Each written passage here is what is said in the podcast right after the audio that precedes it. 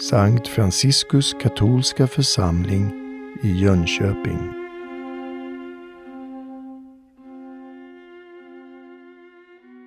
Vi har nu firat midsommar och eh, för de flesta svenskar så är väl midsommar, det är sill, eh, jordgubbstårta och sprit eller någonting liknande.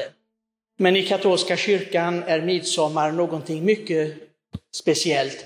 Det är födelsedagsfirande av en av de största som föddes av kvinna enligt Herrens ord, Johannes döparen. Det är honom som firas och eh, vi ser på en människa som ställde sig helt till Guds disposition. Tog Gud på allvar helt enkelt, det är det som det betyder. En människa som tog Gud på allvar. Gud var inte någonting vid sidan om för Johannes döparen. Och Jesus som jämförde honom med andra personer, där han såg också bland sina, eh, de som levde på hans tid, så såg han att Gud verkligen var det centrala i hans liv och han anpassade sitt liv efter denna tro på Gud. Och därför var han så stor. Han drevs av sin tro. Igår under första kommunionen, det var mycket passande att vi hade det evangeliet. Och det handlade om officeren som hade en tjänare som var förlamad och hade svåra plågor. Och den här officeren som inte var av Israels barn, han tillhörde inte Guds folk alltså. Han kommer till Jesus, han hör talas om Jesus och uttrycker sin tro på honom. Kan du inte komma och bota min tjänare? Och Jesus är nästan beredd att gå, men officeren är så ödmjuk att han säger, men jag är inte värdig att du går in under mitt tak. Säg bara ett ord så blir han helad. Och det är de orden som kyrkan upprepar nu i 2000 år innan vi tar emot Herren i kommunionen. Denna ödmjukheten tillsammans med tron. Och Jesus är förbluffad. Han säger, bland ingen av Israels barn har jag sett en människa med sådan tro. Han upphöjer honom. Och vi ser dessa människor som verkligen har tro, där händer det någonting. De här två personerna här, synagogsföreståndare med sin dotter, som även om hon hade dött rent kliniskt, så Herren gav henne liv igen tack vare Faderns tro.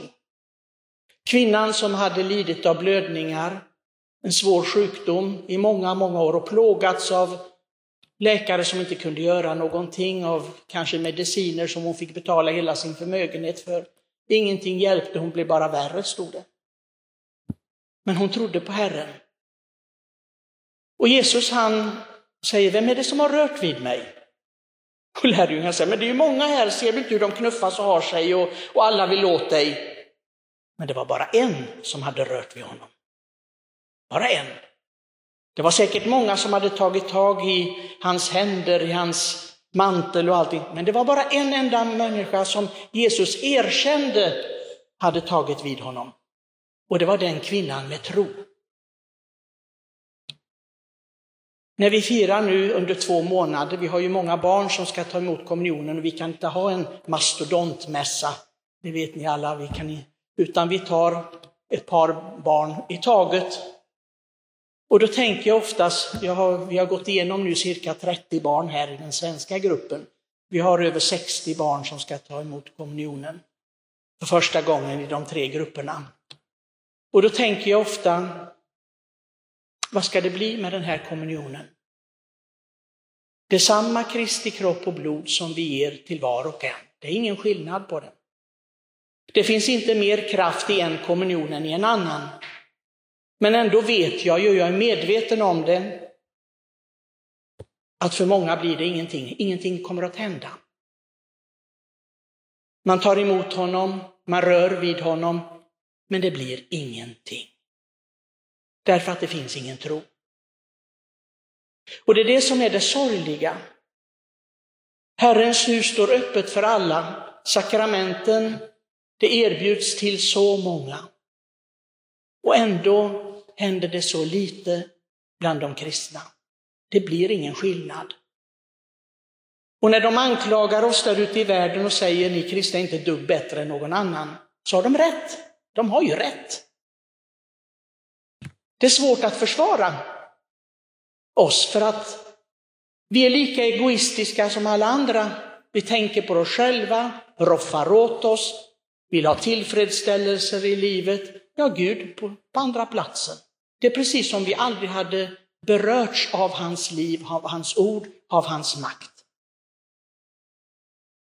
Och det är, ja, det är förödmjukande. Ska det inte hända någonting med mig? Jag blir ju helad, men det är klart att jag blir inte helad av de sår jag får i världen, för det blir det. Synden ger sår i själen. Jag blir det inte om jag inte vill det, om jag inte verkligen tror på Herren Jesus. Om jag inte förstår att det är han som är vägen, sanningen och livet. Det, det finns inget riktigt liv utan honom. Den som finner mig finner ljuset. Det är inte mörkret. Den går inte i mörkret, säger Herren. Men ändå är det så många som kallar sig kristna och de går bara i ett tätt mörker. Helt uppslukade av sig själva, vad de ska få ut av livet.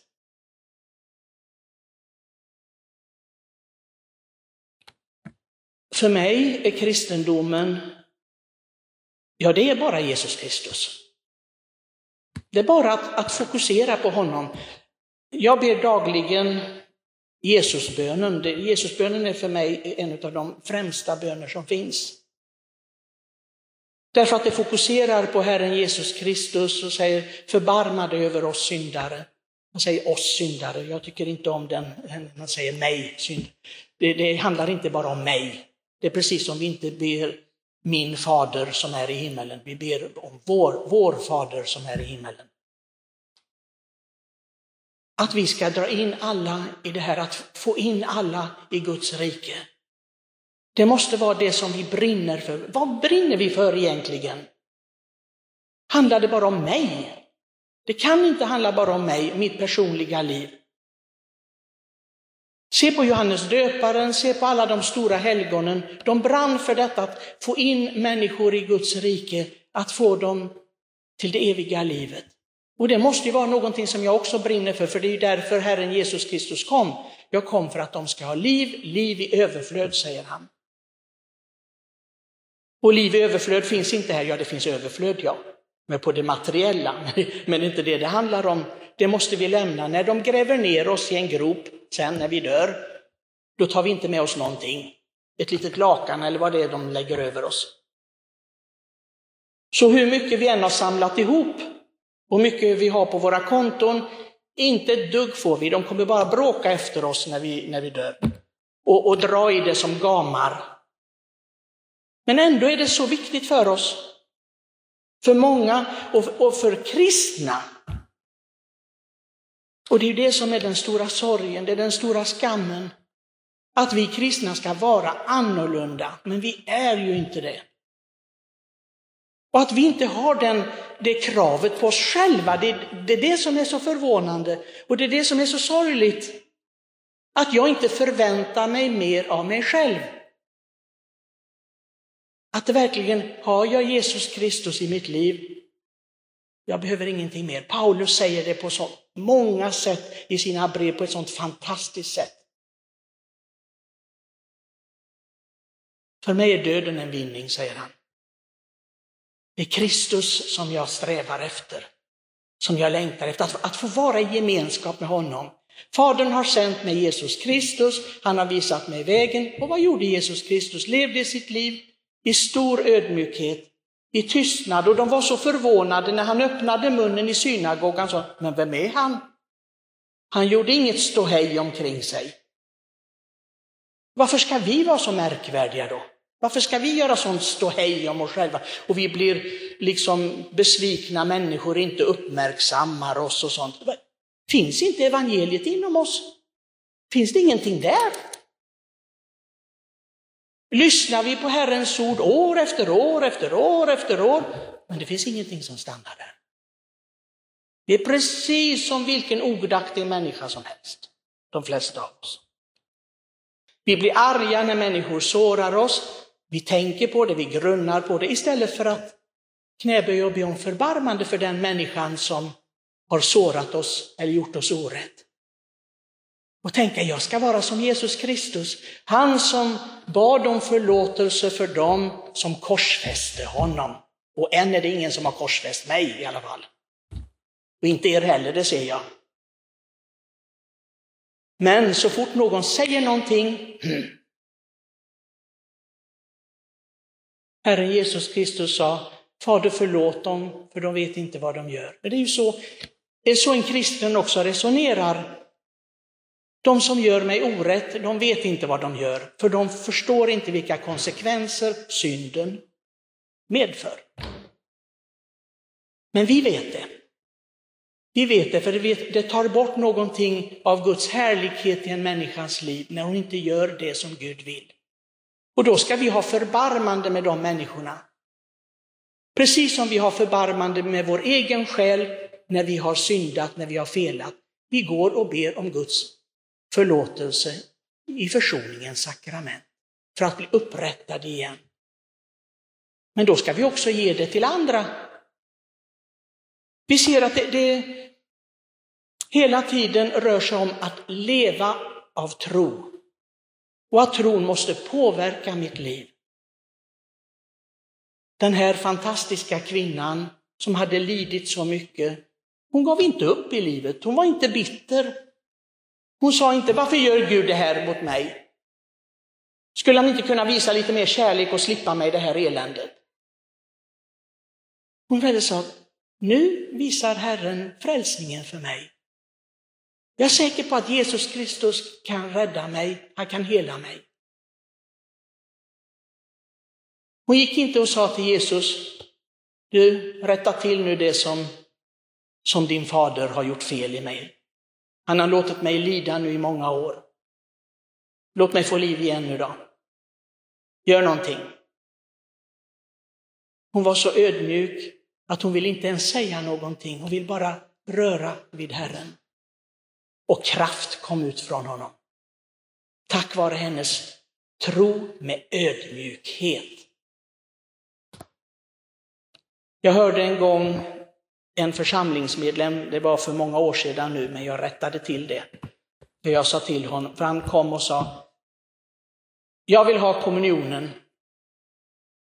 Vad du vill ha, det spelar mig ingen roll, för du, du har ingen rätt till kommunion, jag ska bara tala om för dig. Det är ingen rättighet för mig, det är ingen rättighet för dig, det är nåd, det är en ynnest, kom ihåg det. Och du kan gå härifrån för jag ska inte ge dig kommunionen. Med den inställningen ska du inte ha någon kommunion, du ska inte ha några sakrament överhuvudtaget. Ge dig iväg och tänk på vad du har sagt. Jag vill ha kommunionen. Det ska vi be om ödmjukhet om. Jag tänker varje dag när jag går från klostret in i kyrkan, jag tänker, tänk, jag hade kunnat vara bland de miljarder människor som inte får vara med Herren Jesus. Det är inte hela världens befolkning som tror på Herren Jesus. Det är en nåd, det är en, sån ynnest. Jag tänker, varför fick jag den nåden? Inte bara det att jag får tro på Herren Jesus, jag får vara kristen, jag fick dopets sakrament, jag fick också tjänstens sakrament. Att tjäna honom vid hans altare, jag tänker det, det är helt det är helt obegripligt. Och det finns många, många människor som är mycket bättre än jag. Men han valde mig. Han valde var och en av er att få trons gåva. Är vi tacksamma för detta? Är vi tacksamma för detta? Och ansvarar vi för den här tron och använder den med ödmjukhet? Jag tror att det är den här söndagens fråga, visserligen den har med alla söndagar, alla dagar att göra.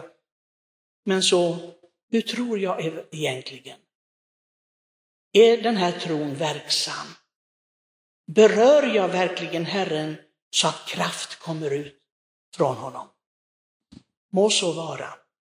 Amen.